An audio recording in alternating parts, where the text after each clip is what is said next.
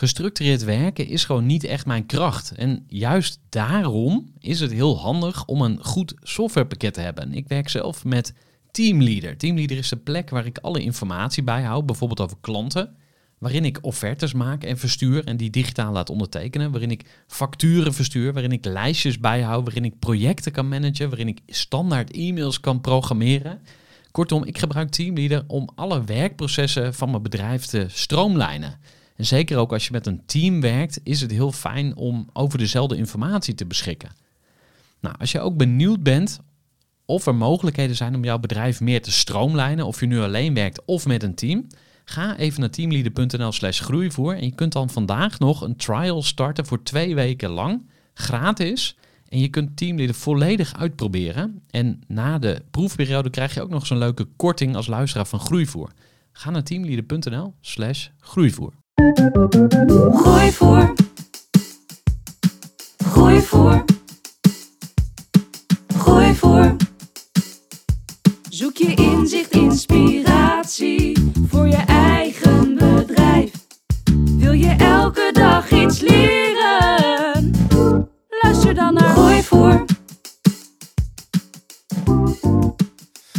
Folders dichtlikken en hopen dat het goed komt. Zo begint het verhaal van familiebedrijf Schouten en Nelissen, dat in 1980 werd opgericht door vader Jan Schouten en toenmalig compagnon Boris Nelissen. Al jong waren Jan Heijn, Willem en Marieke, de kinderen van Jan, betrokken bij het bedrijf en hielpen ze bij het versturen van mailings. Sinds 2020 is Jan Heijn bestuursvoorzitter van Schouten Nelissen. Met honderden opleidingen in ruim 60 landen. Inmiddels echt een imperium in opleidingsland. En dat allemaal vanuit het gemoedelijke Zaltbommel aan de Waal. Vandaag heb ik Jan Heijn hier in de studio om zijn ondernemerslessen te delen. Jan Heijn, van harte welkom bij de podcast. Ja, dankjewel. Ja, en we duiken eerst eh, jouw persoonlijke verhaal in. En dat doen we met het vragenvuur. Ik ga een aantal vragen op je afvuren. En ik wil je vragen om eh, kort te antwoorden, voor zover mogelijk. Wie is je vader en wie is je moeder? Ja, mijn vader is Jan Schouten. Die was helaas ontvallen ons eh, zes maanden geleden. Eh, en Anne Schouten, dat is eh, zijn tweede vrouw, die zie ik als mijn moeder. Dus ja, wij hebben als familie natuurlijk een, een, ja, best wel een stevige tijd doorgemaakt. Maar ja, we voelen hem, hij is hier nog steeds voor ons. Dus in die zin beschouwen we hem nog steeds als mijn vader. Ook al is hij er niet meer. Ja. Toen ik 14 was, is mijn moeder overleden. En jouw moeder, jouw biologische moeder is overleden toen je vier was. Ja, Wat draag jij, dat is misschien een hele zware vraag, maar wat, wat draag je van haar mee? Eh, Heb je daar een beeld van? Ja, dat is moeizaam. Eh, dat is een hele, hele lastige vraag, want je verlangt natuurlijk naar heel veel herinneringen. Ehm, mijn vader heeft me in die zin altijd wel heel veel meegegeven van verhalen. Eh, verder heb ik het moeten doen met een compilatie van foto's, verhalen, gevoelens. Je bent vier. Dus die taalontwikkeling is dan op dat moment volgens mij ook nog niet optimaal. Dat schijnt een ja, van, de, van de pijlers te zijn voor de herinnering. Dus eh, in die zin moet ik het eigenlijk daarmee eh, doen. En dat heb- is me ook goed gelukt. Eh, heel belangrijk is dat mijn moeder in ieder geval nooit echt weggestopt is. En dat eh, ook al heeft mijn vader een prachtige doorstart gemaakt met Anne Schouten. Ja, dat, dat ze er wel mocht zijn. Natuurlijk was het niet zo dat we er dagelijks over hadden. Maar er is me niet zo heel veel levendigs bijgebleven, helaas. Maar ze is er wel. Ja. Ehm, en iets van karaktertrekken of zo, dat weet je dus ook niet. eh. Ja, ik, we maken er wel eens een grapje over. Mijn vader was nog wel een grote in die zin. Hè? Die had dan veel ruimte. En dan hoopte ik altijd maar dat ik zeker 50% de andere kant had van mijn moeder in die zin. Dus eh, ik kan dat heel... Ze was heel rechtvaardig. eh gelukkig fel kon ze zijn. Maar ja, dat kon mijn vader ook. Dus ik kan niet zo goed duiden wat nou precies bij moeders of vaders kant hoorde. Maar ja. nee, dus... ehm, het is een, dat is een bijzondere start geweest. Maar mm, zeker niet desastreus geweest. Nee, nee. Waar ben je geboren? Eindhoven. Wat heb je meegekregen in je jeugd? Van die specifieke Eindhovense jeugd of van de algemene jeugd? Gewoon. Ja, het algemeen. Wat, wat, wat voor advies of les of... ehm, Ja, ik heb natuurlijk een hele onge- ongewone jeugd gehad. Ik was alleen met mijn vader. Die was eh, natuurlijk ook op zoek naar een partner. Dus ik, ik heb menig kinderfeestje op de achterbank eh, met de auto. eh, ja, ik weet nog wel, dat herinner ik me nog. Ik ben veel met hem op show geweest. Maar wat ik echt meegekregen heb, was dat het heel belangrijk was voor mij om eh, familie te hebben. Hm. En die kreeg ik toen eh, mijn vader hertrouwde. Ja. Het was een behoorlijk eenzame tijd. Het was ook eh, een warrige tijd. Ja, we waren met z'n tweeën. Ja. Geloof je in God of in een andere hogere macht? Nou, ik hoop wel dat er iets hierna is. Maar om nou, nou een naam of een kleur te geven, dat vind ik lastig. Ik zag toevallig, ik geloof, of ik ben heel gelovig opgevoed, maar ik zag de, de namen van jouw kinderen. Hoe heet je kinderen? Eh, ja, Rosa, Jonas en Samuel, dat zijn bijbelse namen. begrijp Precies, daarom Ja. dacht ik van, hey, misschien eh, Nee, is zit daar een reden achter. Maar, Nou, misschien dat het met terugwerkende kracht nog kan, maar dat was eigenlijk niet los van eh, welk geschrift dan ook. ja. Nou, we gaan het iets luchtiger is brengen nu. Wat is je favoriete vervoersmiddel? De auto. Wat ja, voor is auto helemaal niet rijden? populair om te zeggen, maar het is wel echt de auto. Wat voor auto rijden? Eh, ik heb, een, en ik heb een, een, een, zeg maar een steenkolenauto, dus een Range Rover en een eh, elektrische Porsche. Ja, Ja. Ja. Eh, ik heb mezelf te- gegeven toen ik eh, mijn bedrijven verkocht. ja. Rij, rij je nog zelf of zit je liever op de achterbank? Nee, nee, rij zelf. Oké. Wat doe je als je niet aan het werk bent? Dan ben ik toch veel met mijn kinderen. En ehm, vind ik, eh, ik ben gescheiden, maar gelukkig gescheiden. Maar ik vind het belangrijk om eh, ook die tijd eh, er bij hun te zijn. En ik reis veel. Wat is de mooiste plek waar je ooit geweest bent? Oh la la. Ik vond de meest inspirerende plek toch van New York, denk ik. Ja, dat is echt een, als je een beetje spiritueel open staat, dan voel je wel dat daar iets gaande is. Ja. Ja. En wat, eh, hoe, waar, hoe koppel je dat aan elkaar? Wat, eh, ja, ik hou daarvan. Sommige mensen zullen waarschijnlijk de natuur eh, eh, verkiezen boven zo'n zo'n zo'n toch wel grote, zo'n grote monsterlijke stad. Maar eh, ja, ik kon daar heel goed. Ik, ik kon gewoon de anonimiteit, het mee. ik kon er- en iedereen is toch wel heel erg eh, aanspreekbaar. Is een hele open stad, vond ik dan tenminste. Dus Ja. eh, Ja. dat sprak me heel erg aan. Ja, joh, je kunt natuurlijk van elke plaats waar je bent iets moois noemen. Dus, maar dat vond ik wel echt een eh, prachtige stad, ja. ja, cool. Waar droom je nog van? Wat staat er op jouw bucketlist? Ik denk dat het tijd is dat ik nieuwe dromen ga maken. Ja, ja, ja. Ik heb eigenlijk veel dingen bereikt waarvan ik vooraf niet kon bevroeden dat het me ooit zou lukken. Dus in die zin, ja, ik vind het gewoon fijn als het goed gaat met iedereen. Dus ik, ik, ik, ik, ik heb mijn bucketlistje elke dag zo van, nou, kinderen goed gaan, kleine overwinningjes halen als het even tegen zit. Kleine, kleine succesjes boeken. Dat, daar zit het voor mij in. Ik, ik kan ook wel zeggen dat ik ook weet waar veel mensen, andere mensen van dromen. Dus de rijkdom, eh, het vermogen om niet hoeven na te denken eh, om geld uit te geven. Die tijd heb ik, ken ik ook. Die heb ik ook nog. Maar daar hecht ik helemaal geen waarde meer aan. Maar als geld geen obstakel is, dan ga je dus anders Nou ja, ik, denken. Je gaat het vaak buiten jezelf zoeken. Hè? Dus op het moment dat je denkt, oh dat is het dan. En dan, dan moet het daar gebeuren. Nou, ik ken natuurlijk ook mensen die redelijk bemiddeld zijn. Dat zijn eigenlijk allemaal mensen die het overkomen is overigens. Er is nog niemand ooit echt in mijn optiek miljonair of miljardair zelfs geworden. Omdat hij dacht dat- dat het een goed plan was. Dat zijn natuurlijk dubbeltjes op een goede, die de goede kant op vallen. Dat is ze allemaal hartstikke gegund. Maar wat je ook ziet is dat uiteindelijk iedereen allemaal aan de keukentafel wil zitten met vrienden en een muziekje in zijn oren en een goed gezelschap. Dat verandert nooit. Ja. Ik ben, kom net uit het Midden-Oosten.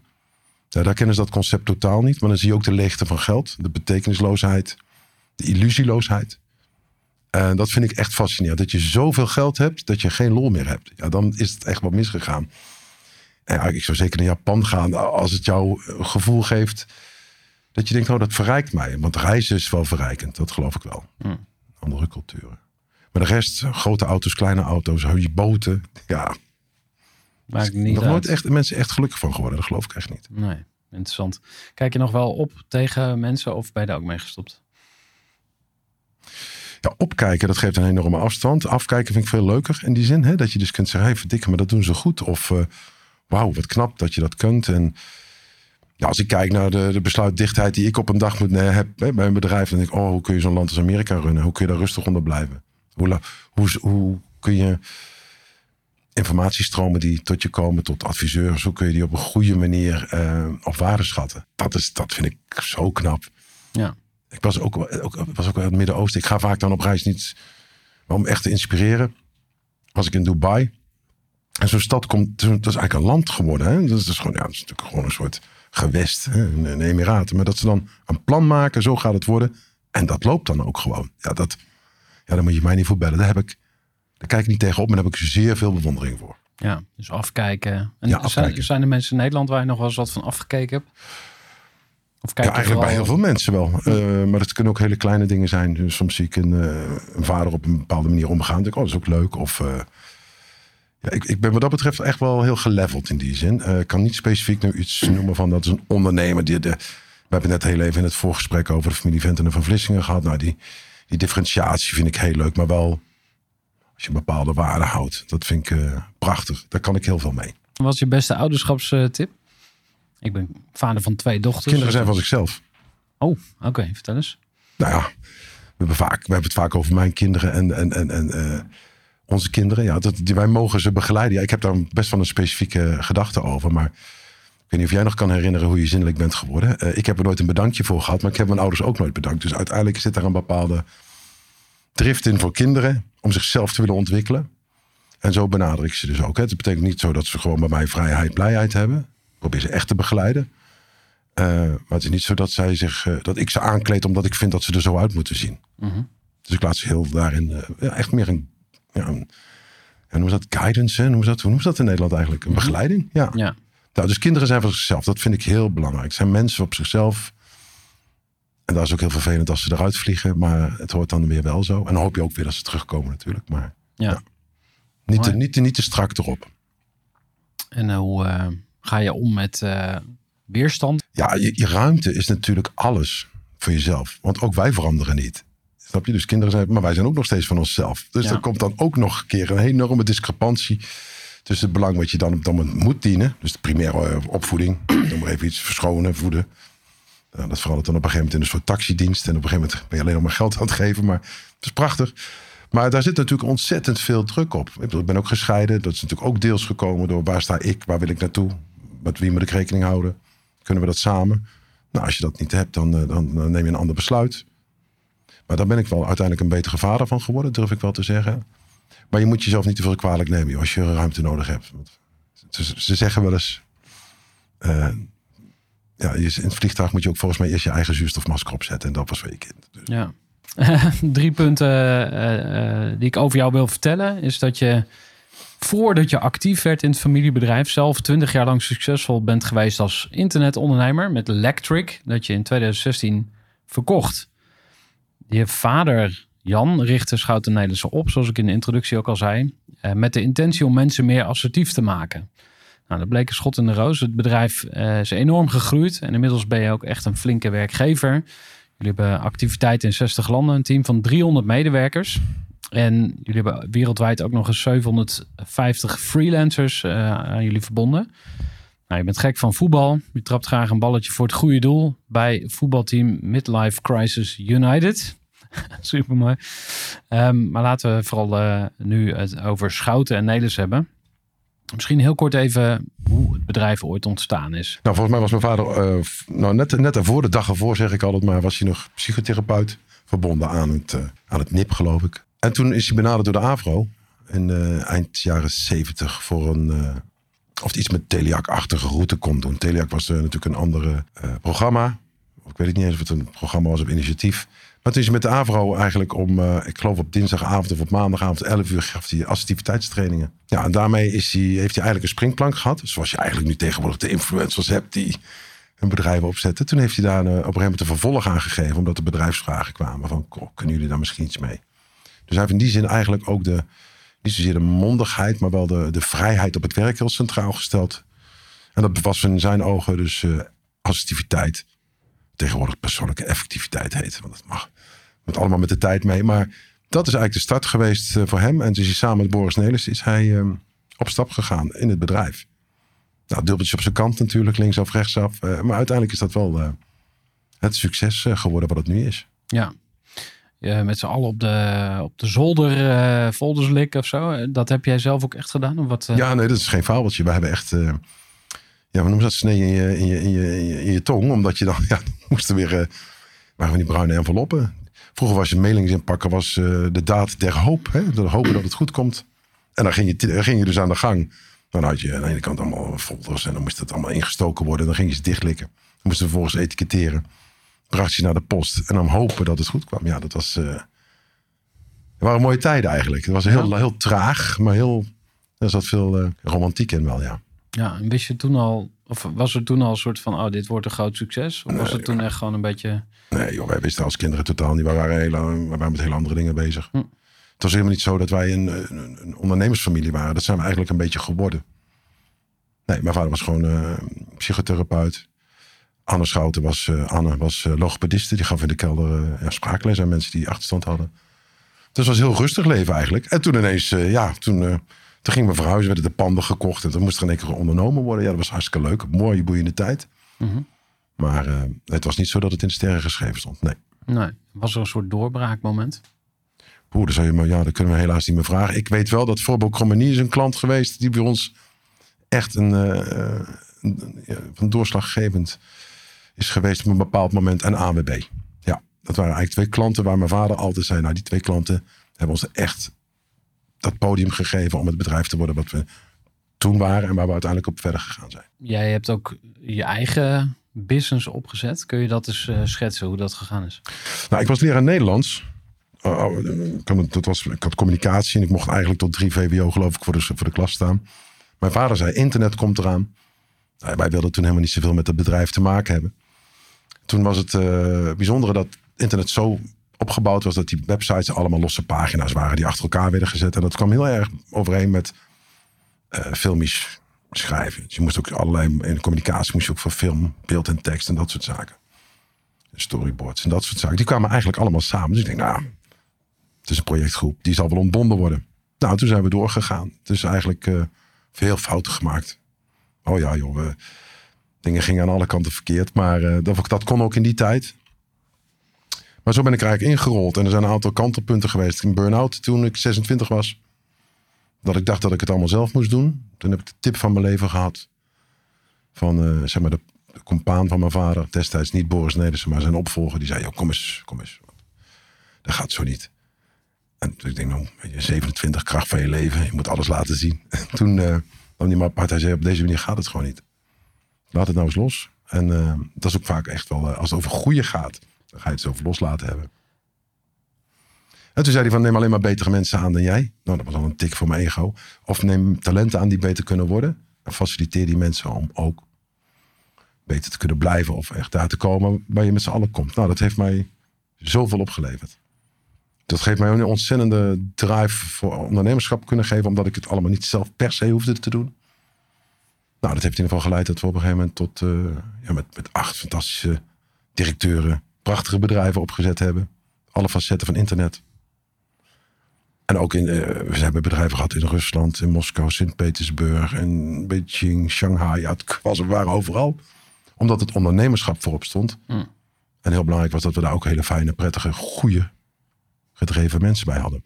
Ja. Dat is tot 2016 geweest. Toen werd ik bijna, toen krabbelde ik richting de 50. Kwam er iets als Snapchat en toen heb ik het losgelaten. Toen kon ik het allemaal niet meer aan. Ja, toen dacht je van, nou, moet ik dit ook nog onder de knie gaan krijgen of zo? Ja, de internetwereld was echt wel een beetje een ICT-markt geworden. En ondertussen kwam er al een hele nieuwe route aan. Ja, dus dat, daar kon ik niks meer in. eh, daar kon ik niet meer voor oplopen. Nee. Nee.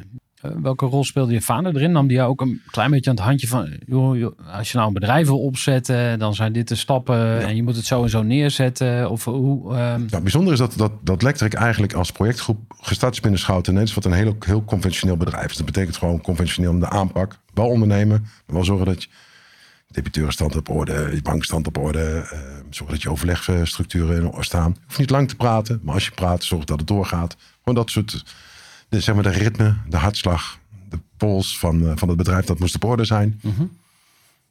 En toen heeft hij daar, en eigenlijk, dat heeft hij eigenlijk heel goed opgezet. Hij heeft ons dus niet in de, in de gekte van toen de Millennium Bubble, dat was in die tijd met burn rates, dat heeft hij ons allemaal bespaard.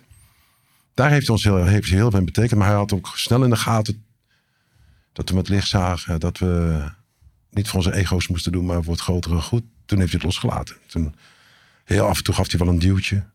Hij kon heel goed normaliseren. Als je zelf wakker lag van ja, moet ik het nou doen of moet ik het nou niet doen? Wa- wat bedoel je daarmee, normaliseren? Normaliseren betekent eigenlijk gewoon het, het, het, eh, als jij je zorg uit, dat, dat iemand anders zegt, ja maar joh, rustig aan. Moet je heel anders tegenaan kijken. Komt Ja. toch goed. Doe maar. Ja, dat was, dus je kon binnenkomen dat je bijna achterstevoren eh, naar binnen kwam en dan, eh, Ja. dan vloog je naar buiten van energie. Dat kon hij heel goed. Ja. En dat was eigenlijk niet zozeer inhoudelijk, maar welke ondernemerschap was hij wel iemand die met dat soort kleine touches, zoals ik dat noemde, dan kon hij echt dat ondernemerschap een duw geven. Want als jij heel veel mensen lopen te tobben, eh, het valt eigenlijk wel meevalt vaak als je het even deelt. Had je ook compagnons in die eh, andere bedrijven? Hoe, hoe zet je dat neer? Want je zei net van we hadden acht, com- of, eh, acht directeuren of zo. Of- Ja, Maar je zet het echt als een Ja. apart bedrijf neer. Want heel veel ondernemers die beginnen gewoon en die, ik veel, die, die, die denken ik moet alles zelf doen. Ik ben zelf. en bij 15 mensen groter ga je het aan niet meer verkopen. Ja. Ben je niemand wil het kopen, want omdat jij degene bent die de, de klanten allemaal kent. Dus, dat- ja, ja. dus als ik ergens een tip eh, zou geven, dan is zo snel mogelijk een tweede persoon aannemen. Aha. Die ook weer beter is op vlakken waar jij niet zo goed Even een korte onderbreking met een belangrijke vraag aan jou. Want wat heb jij geregeld voor het geval je van de ene op de andere dag zou komen uit te vallen? Wat gebeurt er dan met je bedrijf, maar vooral wat gebeurt er met jou persoonlijk en ook in financieel opzicht? Samen met ASR voerde ik drie openhartige gesprekken over tegenslag en veerkracht. En dat deed ik met Saskia, Vincent en Pieter. Ondernemers met een bloeiend bedrijf die van de ene op de andere dag niet meer konden werken. En die verhalen hoor je in aflevering 256, 257 en 258 van deze podcast. Als ondernemer wil je natuurlijk niet uitvallen. En daarom is het belangrijk dat je veerkrachtig bent, want voorkomen is beter dan genezen.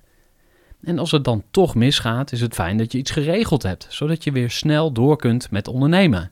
Wil je weten hoe veerkrachtig jij nu bent? Vul dan in twee minuten de veerkrachttest van ASR in. Ga naar asr.nl slash veerkrachttest ondernemers. in bent. Ja. En dat is eigenlijk de, de basis geweest voor alle bedrijven die ik eh, tot op heden heb mogen opzetten. Want de tweede persoon maakt, speelt de eerste altijd vrij. Ja. En dat, dan hangt het een beetje af van de samenstelling, wat dan het, eh, het zwaartepunt van de eerste of de tweede persoon is. Maar als je dat ego los kan laten, want vaak is het zo, ja, ik heb pakken gelegen, ik heb mijn geld erin zitten, mijn hypotheek eronder gezet. hè. Dat gaat tot een bepaalde grens. En dan, dan komt de zieke neurigheid. Dan wil je niet meer. Dan, denk je, dan zie je mensen toch als kost in plaats van investeringen. Dat is een, daar kun je op wachten, dat gebeurt. Dat zie je heel veel. Eh, en het probleem is alleen dat mensen dan zo moe zijn dat ze dan ook niet echt veel waarde opgebouwd hebben. Dus zo snel mogelijk die tweede persoon die beter is dan jij aannemen. En wat gaat hij dan doen? Is dat zeg maar, want je kan iemand naast je aannemen. Ja. Dus stel ik ben heel Samen goed. directie voeren, een aandelen geven, 20% maximaal of 30, of net wat je wil. Ja, waarom niet 50-50? Ja, dan krijg je in de besluitvorming altijd lelijke dingen. En dan komt het wel weer daarin. Maar het, het moet daar eigenlijk niet om gaan. Ja. Kijk, dan moeten mensen ook geld inleggen. Dus ja, dat hebben ze vaak ook niet. Want dan, Ja. krijg, je, dan krijg je een hele financiële gesprek. Dat wil je eigenlijk niet. Ja. Maar geef ruimte aan, die, aan, de, aan de personen die jou mee groot maken. Nou, even eh, om dit nog verder uit te diepen. Ja. Eh, ik heb een ehm, eh, podcast agency, Eer Eer heet het. En ik doe het nu nog alleen met, met een groepje eh, eh, freelancers om me heen. Mhm. Een volgende stap zou dan kunnen zijn bijvoorbeeld een compagnon zoeken. Mhm. Maar moet dat dan iemand zijn die mij aanvult? Of moet dat eigenlijk een kopie van mij zijn die dan... En dat ik dan weer eruit stap en iets anders ga doen of zo? Wat, Nou, ik, wat ik, zou je ik, advies ik weet niet of je erin wil blijven. Dat is natuurlijk vraag één. Maar als je zegt, ik wil het uitbouwen. Ja. Maar ik loop tegen bepaalde zaken aan. Dan zou ik vooral iemand aannemen die bepaalde dingen af kan dichten. Waar jij misschien niet zo sterk in bent. Hoe zit het met het verdienmodel? Want jij zegt heel makkelijk van ja, neem gewoon iemand aan. Ja, die kost wel 4000 per maand. Eh, geld, wa- wat voor rol speelt dat bij het opzetten of het laten groeien van een bedrijf? Oh, dat hangt erg van de fase af. Kijk, je moet natuurlijk altijd een businessmodel hebben om het zo lang mogelijk vol te houden. Hè. Dat, dat is, des één is niet zozeer om een auto te kopen. Maar volgens mij is het volgens mij belangrijk dat je het lang volhoudt. En dat je met de vaart aan volkeren, want er gaat natuurlijk veel veranderen, mee kunt. Maar je moet wel je, je businessmodel wel goed op orde hebben. Je moet het goed doorrekenen. Het is altijd wel handig als er iets van recurring income in zit. Hè? Dus dat je altijd weet dat, er, eh, dat je niet elke keer weer die one-off moet verkopen. Dus podcast voor podcast. Dat is natuurlijk heel vervelend en heel lastig. Maar je zou wel kunnen kijken van, goh, wat kan ik in het, in het speelveld van podcast allemaal doen? Volgens mij heb je dat wel redelijk, ik zag wat voorbij komen, heb je dat wel redelijk opengetrokken. Dus het is niet alleen maar deze opname, maar je kunt er wel meer mee. Nou, er zijn mensen die inderdaad podcaststudio's verhuren. Je kunt trainingen geven. Je kunt, ik weet niet wat nog meer. Ja. Verdienmodel, ja, dat is natuurlijk het meest lastige. Op het moment dat je een verdienmodel hebt, dan, dan heb je eigenlijk alles in handen. Maar het vinden van het verdienmodel en dat de waarde, de waarde ook herkend wordt door de markt, dat is natuurlijk iets wat eh, de uitdaging is voor velen. Ja. Maar ja, ik denk wel dat het. eh, soms moet je ook even door het, door het medium heen kijken, wat blijft er dan over? Hè? Dus Ja. dan kijk je van, nou wat, uiteindelijk is het kennis. En in de vorm van een podcast. Ja. Nee, de podcast is niet het doel, dat is het middel. Ja.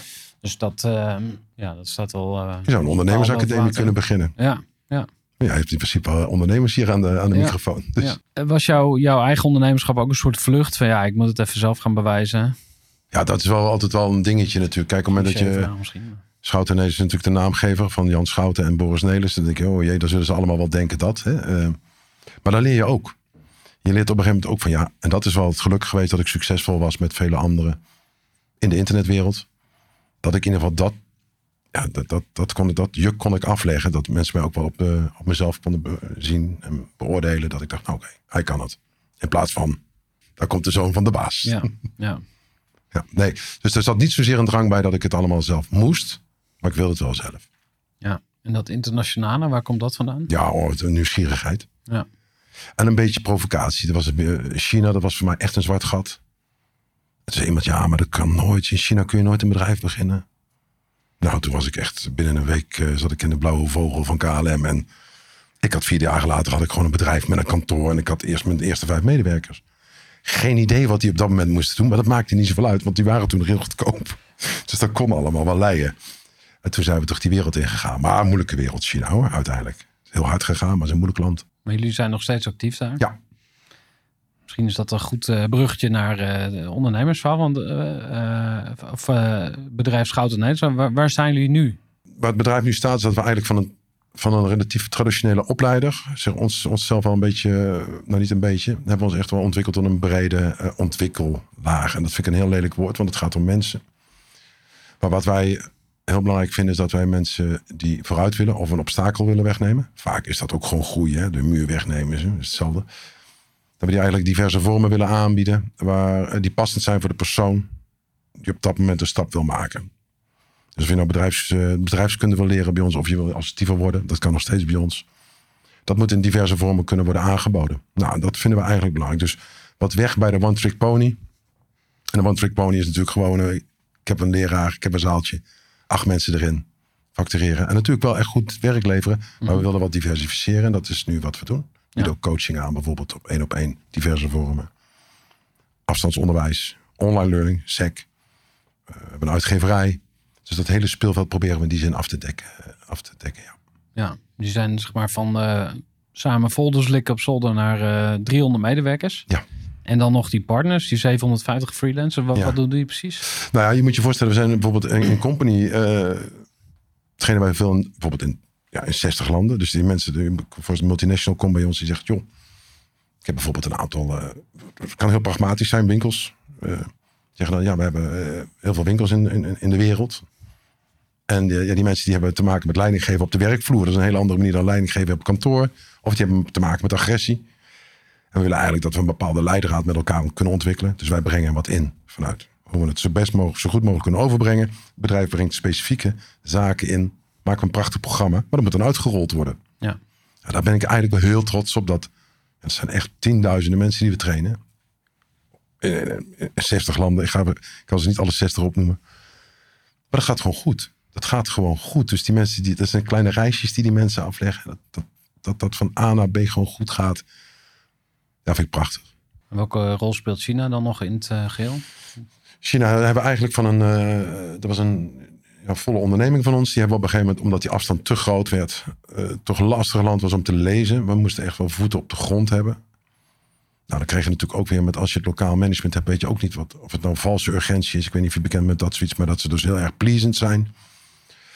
Of dat ze echt ervoor gaan. Run it like you own it, dat gevoel. Hebben we besloten met een, uh, met een hele goede uh, partner... die eigenlijk bij ons ook directeur was. Een Nederland, Nederlandse ondernemer, ook uit het speelveld. Die is daar met zijn vrouw uh, naartoe gegaan. Die is daar gaan wonen. En toen hebben we gezegd, nou joh, toen was hij echt wel open voor dat, voor dat vraagstuk. Dus we hebben een hele mooie verhouding afgesproken... waarbij het ondernemerschap nadrukkelijk ook... en het meerderheid bij hem ligt en wij een minderheid hebben. Ja. Zodat we wel goed kunnen blijven samenwerken. Want partnerships zijn leuk... maar als je echt moet echt wel een gedeeld belang hebben. Ja. Hoe ziet jouw uh, werkweek daar eigenlijk uit? Want je bent bestuursvoorzitter. Als ik ja, interviews ja. over je lees, dan denk ik ook... Oh, bestuursvoorzitter mm-hmm. klinkt als... Heel eerlijk, uh, ook een tikje saai. Hè? Je moet met al die belangen, een beetje politiek bedrijven. Dat staat voor mij een beetje ver af van gewoon lekker ondernemen, innovatie, pionieren. Wat je vader ook graag deed. Ja. Hoe ziet jouw werkweek eruit en wat, wat vind je het leukste aan, aan wat je doet? Maar het is helemaal niet zo'n. Ik ben niet, niet eens zo heel erg druk. In die zin van. Um, ik, in principe hebben we de organisatie ook opgebouwd dat we hele capabele uh, directies hebben.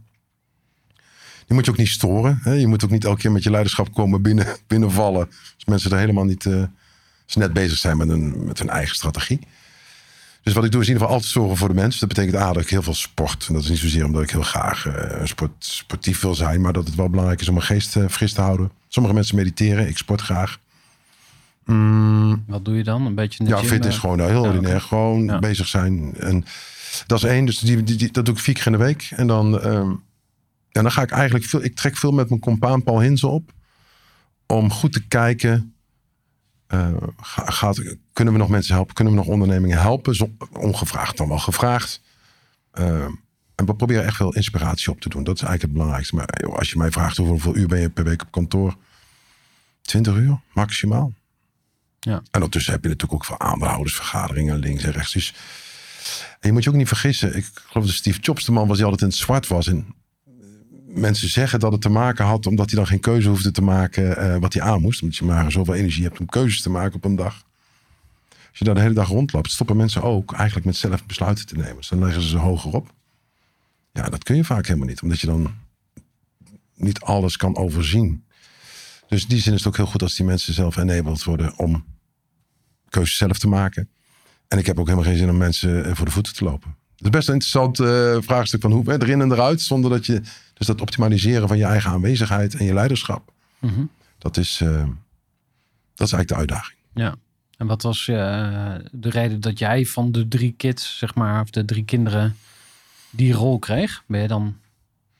Ja, dat, dat, ik, deze, dat ik deze functie nu heb, bedoel je? Nou, dat is- omdat je doet het nu natuurlijk samen met je zusje en je broer. Ja, mijn broer en zus en oh ja, allemaal aandeelhouder natuurlijk van het bedrijf in die Ja. zin. Ja, maar we hebben ook wel gezegd dat iedereen daar de vrijheid heeft om te doen waar hij zin in heeft. Mhm. En waar hij goed in is. Waar hij zin in heeft klinkt wat, eh wat eh, vlierenfluiterig. Maar gewoon dat je gewoon, eh, je hoeft niet per se eh, in het bedrijf per se te werken. Mhm. Dus mijn broertje en broer is op dit moment bezig om daar een bepaalde afweging in te maken. Omdat hij vanuit zijn aandeelhouderschap eh, toch al heel erg betrokken is. En dat het eigenlijk ook door onze, onze, ons bloed gaat. Ja. Dus ehm, Maar jullie hebben niet met z'n drieën de dagelijkse leiding. Tenminste, dat, Nee, dat, nee, dat, begreep ik eh, uit een artikel wat ik las van hey, eh, met z'n een driekoppig bestuur of zo. nee, nee, nee. nee dat, Jij bent gewoon de chief. En- Samen met Paul Hinze. En daarna Ja. omheen hebben we een eh, ring van mensen. Zonder dat het al te veel in functies hangt en zeggenschap hangt. Probeer je gewoon te voeden. Je hebt altijd een man of twintig dan, dertig man die, die, ja, die meedragen. Mhm. Natuurlijk, iedereen draagt mee. Maar dat echt ook bepaalde verantwoordelijkheid hebben. Mhm. En daar horen we mijn broer en zus natuurlijk heel erg bij. Eh Marieke die gaat aan de slag. Die is aan de slag nu bij Competence. Dat is eh, heel erg interessant. Veel coach- en trainersopleiding die we internationaal ook uitrollen.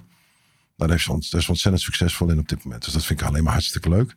Ja. En als ze over twee of drie jaar zegt, nou, goh, ik wil weer iets anders. Of misschien is het goed dat iemand anders mij vervangt omdat die beter is. Ja, we blijven wel een beetje lichtvoetig met elkaar. Heb je het, ja. Eh, heb je het gevoel dat je ehm, zelf weg zou kunnen als je zou willen? Ja, zeker. En waarom zit je er? Oh, nu weg zou kunnen. Nou ja, ik bedoel, het kan je ook een Oh, ja. beetje in de schoenen geschoven worden. Van ja, eh, iemand Nee, moet het oh, nee. bedrijf gaan leiden. Nou, we pakken degene die het meest geschikt is. Die gaat dan maar de kar trekken. Ja, ik denk dat het momentum al redelijk natuurlijk was toen het gebeurde. Ik zou ook nu weg kunnen. Ik denk dat het bedrijf oh, zal echt wel doorgaan hoor. Het lijkt me wel. Eh, dus in die zin kan ik zeker weg. Is het gewenst? Nu? Voor mij? Nee, niet. Maar over vier, vijf jaar zou dat zo anders kunnen zijn. En wat vind je zo leuk? En met, met leuke mensen goede dingen doen. Mhm. Dat vind ik echt het leuke. Gewoon de energie van dingen kunnen mislukken. Dingen kunnen lukken. Maar dat is eigenlijk... Natuurlijk is het belangrijk dat er meer dingen lukken. Maar het mooiste is natuurlijk dat je samen bij elkaar bent. Hey, verdorie, volgens mij ligt hier een kans. Of een vergeten groep. Of stel je voor dat. Nou, dan ga je daarmee aan de gang. Ja, dat is prachtig. Wat is jouw grootste kracht eh, als ondernemer, denk je? Je hebt soms mensen die zijn enorm visionair. Hè? Die kunnen heel ver in de toekomst kijken. Je hebt mensen die... Waar, waar, waar zit voor jou de x Ik denk dat ik mensen heel erg... Ik hoop in ieder geval dat ik mensen heel erg het echte gevoel kan geven dat ik in ze geloof. En dat ik het niet erg vind als, eh, als het misgaat. Maar het moet wel op basis van een bepaalde mate van lef en niet op ego. Als het echt het ego gaat zijn, dan ben ik ook wel een taai hoor. Dan kan ik daar wel... eh, omdat het mij ook les ook geweest is natuurlijk. Maar ik denk dat dat... eh, dat dat misschien wel mijn kracht is. Dat we ook niet bang, maar wel even gewoon eh, eerst even goed zorgen dat we alles hebben afgedekt. En dan ga maar. Dan maakt het niet, niet uit of het mislukt. Ja. Er komen ook mensen van buiten wel eens naar je toe. Van, hey, eh, ik heb een bedrijf in de, in de eh, educatie. En, wil, wil je investeren? Of wil je Oh, natuurlijk. kopen? Dat, Ja, ja, elke ondernemer krijgt die vragen wel eens of je wordt gebeld door intermediairs die zeggen: goh, ik heb een interessante propositie. Mhm. Onlangs ook Xly overgenomen. Ja, oh ja. Is Ja. Eh, oh ja, dat is een online eh, platform, toch? Dat Ja, dat is een platform voor, voor ja, wat we nu voornamelijk ingezet voor assessments. Wat natuurlijk fascinerend is dat we. Dat was wel een van de dingetjes die wij nog heel erg misten. Nou, niet de dingetjes, misschien wel echt het fundament. Dat we mensen praten over talent en talentontwikkeling. Mhm. Maar ik zou niet echt weten wat mijn talent is. Ik, ik weet wat, me- wat, waar ik me fijn bij voel. Je gewoon echt kun je objectiveren van, nou, je, dat kun je wel en dat moet je misschien wel eens wat minder willen. Ja. Nou, dat kunnen zij heel goed in kaart brengen. En dat is natuurlijk de basis van, eh, van ontwikkelen. ja. En wat moet je doen om jou, zeg maar, eh, over de rooien te krijgen? Of, Ja, eh, minder waardig doen over mensen. oh ja? Ja. Ja. Dat heb ik overal. Mensen laat dunken doen of dat mensen zich beter voelen. Omdat ze knapper zijn bijvoorbeeld. Of omdat ze denken dat ze gaaf zijn. Ja, daar, daar, daar, daar, het is niet zo dat ik nou elke dag op straat een bonje heb. Maar ik kan daar me, kan me wel echt druk over maken. Ja. Ja, ja. En ben je er wel... eh, je, nou, je zei al van, ik ben niet van papa en nat houden. Dus dat die vaderfiguur die gezellig zo iedereen een beetje knuffelt... dat is het in ieder geval niet. Nee. Maar met gestrekt been erin, hoe ziet dat er bij jou uit? Ja, dan, dan, dan ga je echt wel even voor. Kijk, je geeft natuurlijk allemaal kansen. Hè? Dus op een gegeven moment probeer je op, het, op hetzelfde pagina te komen. Dan probeer je jouw beeld een kans te geven ten opzichte van het andere beeld. En je hebt natuurlijk de feiten. Beelden en beelden en feiten. Nou, stel je dat je een bepaalde situatie waarbij de cijfers niet helemaal datgene brengen, brengt wat je voor ogen had. Dan zal de ene kant dat verdedigen en de andere zegt, ja, maar daar hebben we helemaal geen tijd voor. Dus ja, dan zeg je op een gegeven moment, ja, dan moet je wat, wat, wat, wat, wat straffer in je woorden zijn. Het is niet zo dat ik mensen op staande voet ontsla. Dat heb ik eigenlijk nog nooit gedaan. Dus dat, dat niet. Maar je gaat wel ook die andere kant laten zien. Want mensen hebben over het algemeen toch wel de neiging om wat meer in het midden te gaan zitten. Wat ook goed is. Hm. Maar het is niet altijd goed. Altijd. En wat doe je dan bijvoorbeeld? Ja, gewoon de wa- mijn waarheid geven. Dan bel je iemand op of je plant Hm. een gesprek. Of, eh, Nee, dan, dan altijd wel fysiek hoor. Dan wel Ja. altijd fysiek. Nooit Ja. bellen, maar gewoon wel van. Verdorie, kom op. Ja. Nou, geen, niet met papa nat houden, up, door. ja. Want dat wilden we toch? Mhm. Hè, dus dat, dat je ook het gevoel hebt van je probeer nou even weer terug te gaan naar datgene. Het mag mislukken, maar niet, je gaat niet gewoon slapend naar het ravijn toe. Kom op. Interessant. Wat was eh, je meest glorieuze moment tot nu toe in je ondernemerschap? Ik denk mijn eerste grote klant bij Lectric. Ja, was P&O North Ferries. Wij waren eh, internetbouwer en wij bouwden allemaal websitejes tot, nou was het toen de orde van grootte 20.000 gulden. Maar dan konden we onze expertise niet helemaal kwijt. Wij hadden ook echt wat dromen over virtual communities toen en, en dat soort dingen. En toen kwam eh, een berichtje van mijn toenmalige partner binnen van de Eagle has landed. En dat was echt een klant die 10, 15 keer zo groot was. En dat was eigenlijk het begin van eh, eigenlijk alles. Daarmee kwam alles. Dus kwam de content, kwam de hosting. Mensen moesten opleidingen hebben. We konden daar onze creatieve ei in kwijt. En zo zijn we eigenlijk... eh, dat was eigenlijk achteraf gezien het begin van alles. En hoe lang moest je wachten op dat moment? Nou, een jaar of twee, drie. Ja, oké. Ja. Had uh, hartstikke jaloers gekeken van een andere bedrijf uit Amsterdam. Die gave clubs. Daar zaten wij in een bommel te wachten tot het tot ons kwam. Ja. Maar, maar goed, we zijn er wel heel goed overheen gekomen daarna hoor. ja. Wat was je zwaarste moment? Ik heb wat overlijdens meegemaakt op mijn werk. Dat was toch eigenlijk wel altijd wel ehm, heel heftig. Kijk, zakelijk gaan er dingen mis. Altijd, overal, bij iedereen. Eh, Zet BNR maar aan, dan leest het Financieel Dagblad. Of eh, bedrijven vallen om. Of eh, bepaalde onderdelen worden opgegeven. Dat is bij ons natuurlijk niet anders. Dat vond ik allemaal wel te, dat is allemaal niet zo spannend. Maar als echt mensen overlijden, dus gewoon mensen die gewoon bijvoorbeeld, we hebben hele lieve, mooie collega's verloren. Die eigenlijk normalerwijze op basis van hun leeftijd absoluut nog onder ons zouden moeten zijn. Dat had gewoon te maken met ziektes of een operatie die verkeerd uitpakte. En dat vond ik echt heel heftig. Dan zie ik de impact op zo'n community. Dat vond ik wel. eh, Dus dat was voor mij het zwaarste. Want dan ben je niet alleen collega kwijt of iemand waar je ook close mee was. Ja, dan ben je ook in één keer eh, Ja, dan moet je ook echt die familie weer rustig zien te krijgen. En dat, is, dat klinkt heel egoïstisch misschien, maar je krijgt een hele andere rol dan. Dan sta je daar. Ja, dat vond ik heel heftig. Hoe ga je eigenlijk om met eh, al die ogen die op jou gericht zijn? Want ik doe het nu ook. Hè? Ik ga aan jou vragen. Jij zit in die rol. En eh, Ja. hè, we willen het allemaal van jou Ja. weten. En Ja. dan- Terwijl jij denkt, ja, ik weet het ook niet. Ik doe ook maar wat. Ik ben, ben nu nee, al aan het invullen, maar... Het grote geheim is dat iedereen eh, wordt natuurlijk aanbeden. Maar uiteindelijk zijn we eigenlijk allemaal ergens begonnen. Op 14-jarige leeftijd speelden we waarschijnlijk met elkaar op de camping. Dus in die zin is er niet zoveel veranderd. Alleen, je wordt op een gegeven moment een kant op geduwd. Ik heb dat bij FC Den Bosch heel sterk meegemaakt. Waar ik het echt vervelend vond. Waarbij echt publiek bezit werd. Als ondernemer heb ik daar helemaal geen problemen mee. Ik voel die druk ook niet. Het is natuurlijk wel vervelend als mensen, eh, als je ook geen nee wil verkopen, omdat iedereen maar gesponsord moet worden in het, als je in een kleine gemeenschap eh, werkt. En als je dan nee zegt, dan omdat je zegt, nou, het is nu even genoeg of zo. Of ik geloof niet zo in datgene wat jij aan het doen bent.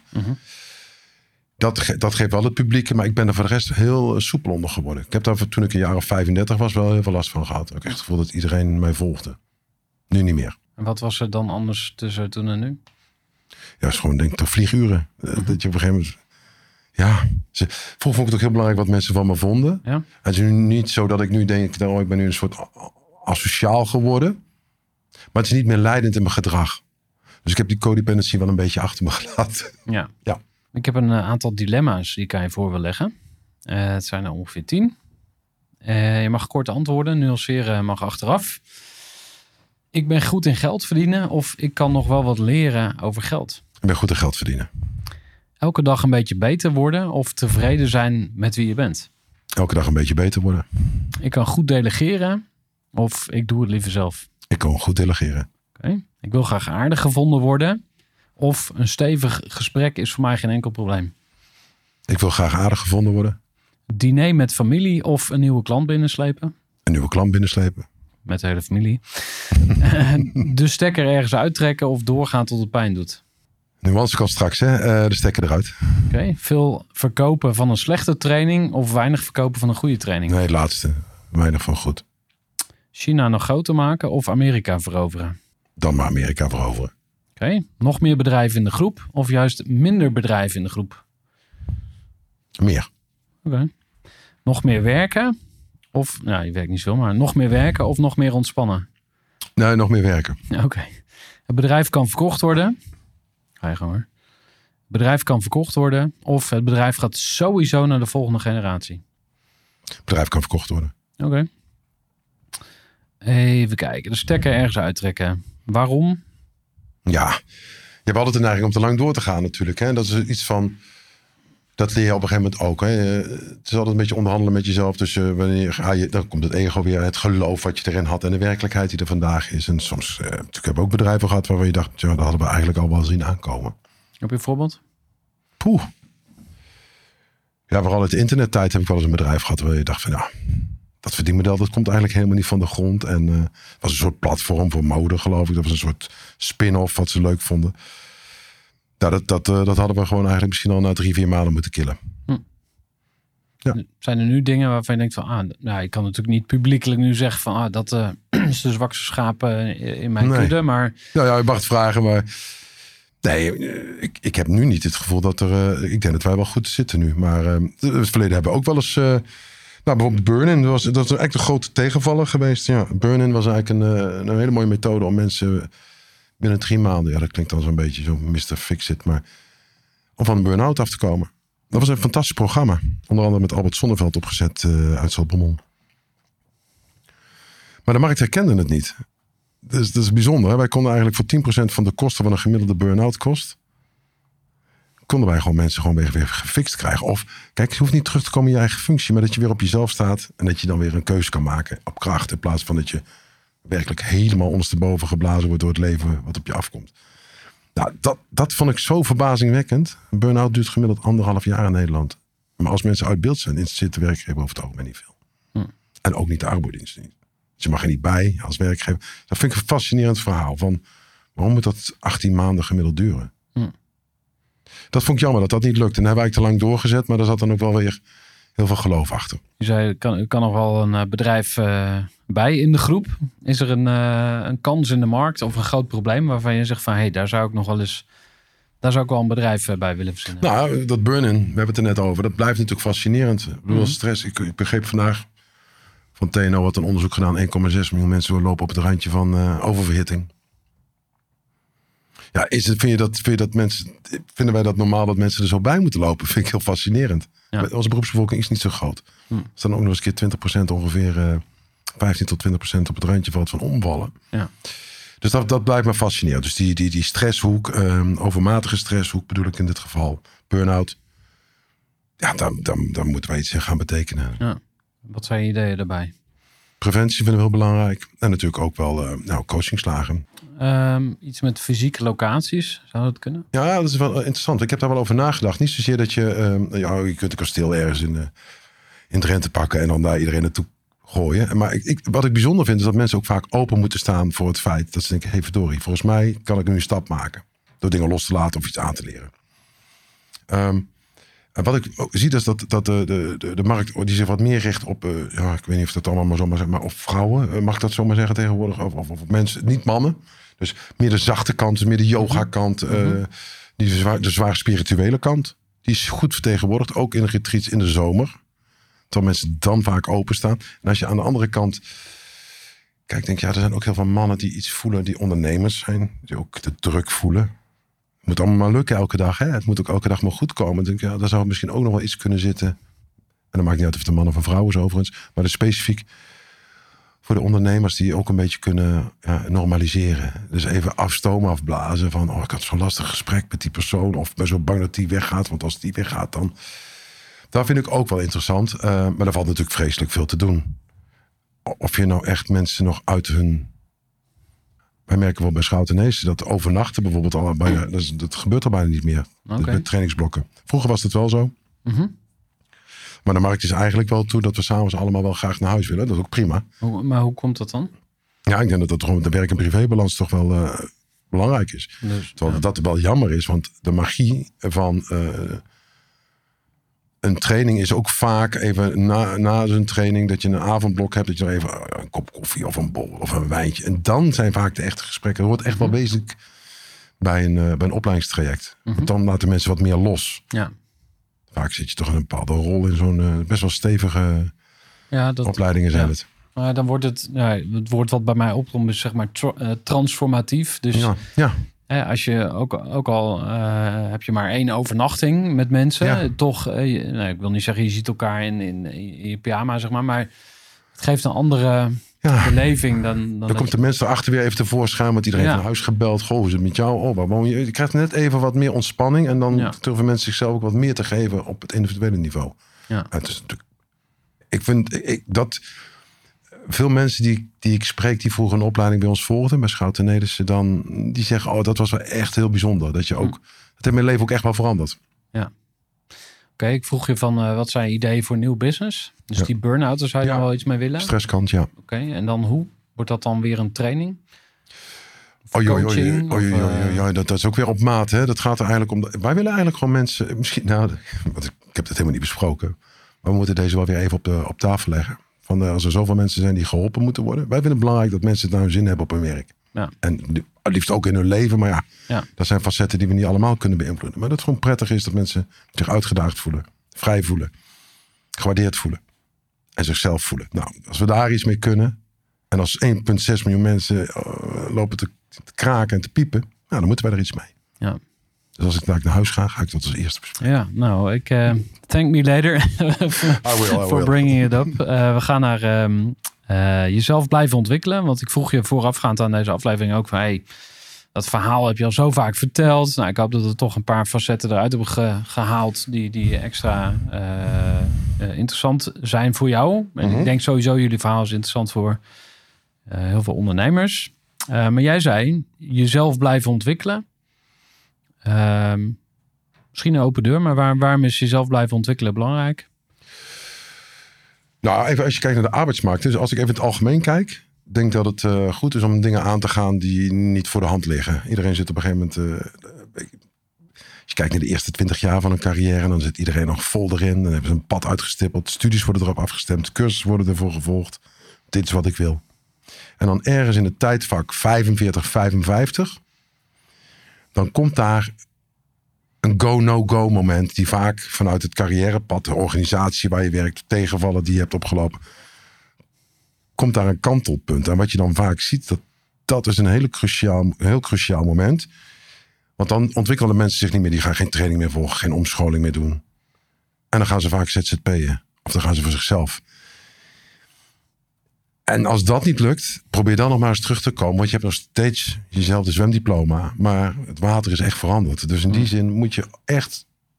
Ik vind eigenlijk dat ja, iedereen na zijn vijftigste moet zich ook echt blijven scholen. Ja, AI, AI, ja, weet ik. Wij weten allemaal niet wat dat allemaal gaat brengen. Hoe ver dat gaat. En hoe wenselijk het is. Maar we kunnen nu zeggen, ja, naar mij de zondvloed. Maar ja, het is toch beter om daar ook maar iets mee te doen. Want dat komt op je pad. Ja. Ehm, of als je echt een... Solliciteer als je 50 bent. Hmm. Of juist, als je het naar je zin hebt, ga op zoek naar die nieuwe baan. Niet zozeer dat ik zit te wachten dat mijn, mijn, mijn- onze mensen weggaan. Maar Ja. dat pas geleden was prachtig. was een, eh, een, een vrouw die werkte 29 jaar bij ons. En die gaat bij een prachtig ander mooi opleidingsbedrijf werken. Regina Cheli in, eh, in Vught. De nonnen van Vught. En die kwam echt een beetje zo van, oh, zo van schoolvoetend zeggen dat ze wegging. Ik, zei, ik ik was hartstikke blij voor haar. Ik, het, was een van, het was een fantastische medewerkster. Ja. Dus ik wil helemaal niet dat zij gaat voor mij uit. Ja. Maar ik was gewoon blij voor haar. Ja. Nou, die energie die moeten we echt wel met elkaar eh, doen. Want blijven ontwikkelen, anders dan ben je gewoon ingehaald. En probeer maar eens terug te komen. Ik denk dat we allemaal voorbeelden kennen Mm. van mensen die ergens tussen 50 en 60 stuk. Ja. Wat, eh, wat is je advies aan ondernemers over ontwikkeling? Ja, wij, zijn, wij zijn natuurlijk altijd eh, als ondernemers. Jij en ik zijn natuurlijk wat dat betreft eigenwijzer en hebben dat niet nodig. Hè? Dat is natuurlijk Precies, ook zo. nee, geen ik tijd weet voor. alles al. Nee, het is ook niet zo dat ik nou heel veel trainingen volg. Maar ik probeer me wel heel erg bij te scholen. Dus veel hè, dus podcasts te luisteren, boeken te lezen. Te spreken met veel andere ondernemers. Mhm. En daar dilemma's en eh, desillusies te delen. Of illusies. En eh, zo probeer je te ontwikkelen. En eh, ja, dat iedereen heeft daar een bepaalde voeding in. Mm, maar als je me nou vraagt, goh, Vind je dat je nog heel, zelf heel erg actief bent met het eh, volgen van de opleiding? Is het antwoord nee. En of dat verstandig is, dan denk ik ook niet dat het verstandig is. Mm. Dus misschien is dat wel een wake-up call voor mezelf. Ja. Maar het is wel zo dat, het, dat je voor jezelf altijd denkt... oh joh, het is misschien heel verstandig voor anderen.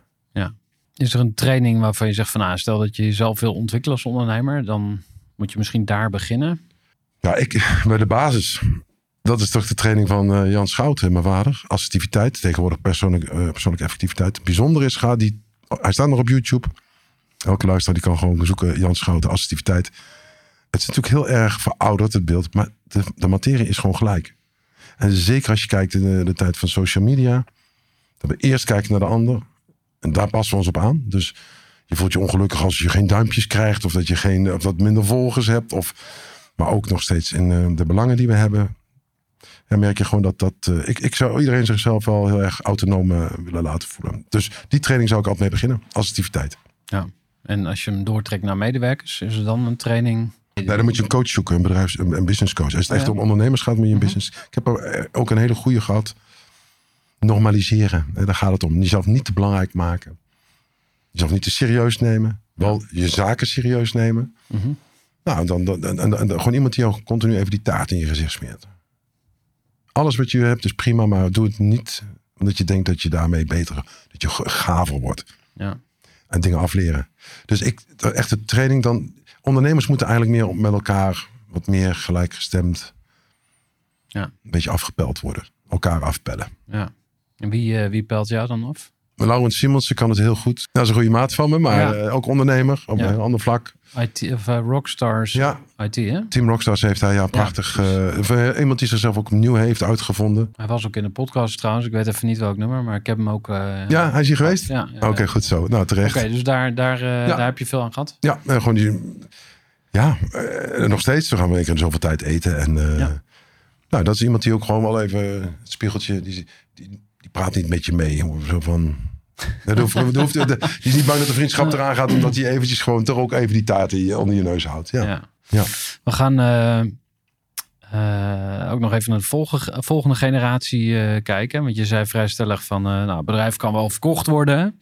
Het hoeft niet per se naar de volgende generatie. Maar ik ben toch wel nieuwsgierig of er al eh, kindjes, eh, kinderen, zijn volwassenen voor een groot deel, klaarstaan om straks ehm, hun schouders eronder te zetten. Ja, ik moest de keuze maken, geloof ik. Hè? Dus dit dilemma. Maar eh, dus ik koos heel, heel nadrukkelijk zeker voor het kan verkocht worden. Nou ja, om te beginnen is het bedrijf niet alleen van mij, maar van de familie. Dus dat is Ja. sowieso een praktisch punt. Maar de andere kant is zo dat ik vind dat kinderen gewoon in die vrijheid ook een keuze mogen, mogen maken. Andere vraag, wat hoop je?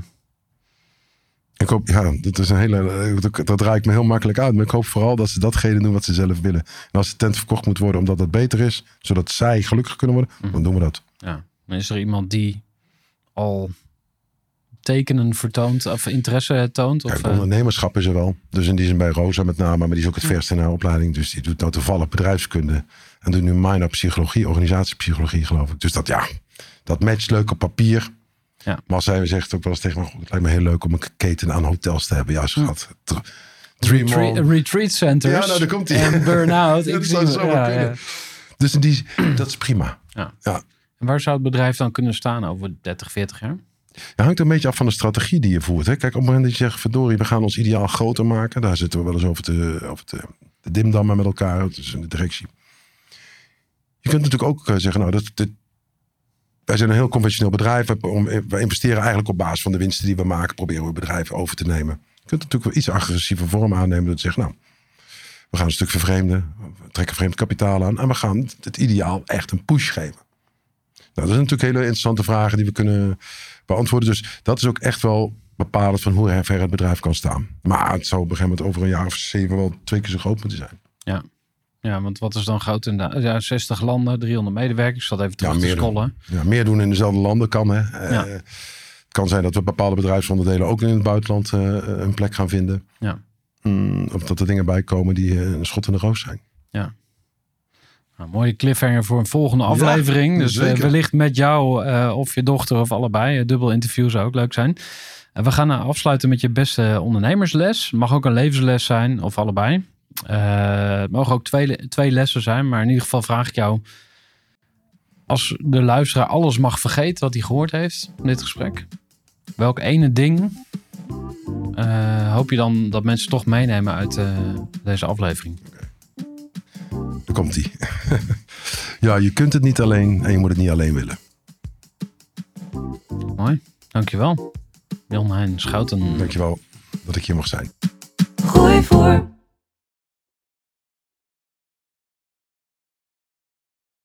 Gestructureerd werken is gewoon niet echt mijn kracht. En juist daarom is het heel handig om een goed softwarepakket te hebben. Ik werk zelf met Teamleader. Teamleader is de plek waar ik alle informatie bijhoud, bijvoorbeeld over klanten.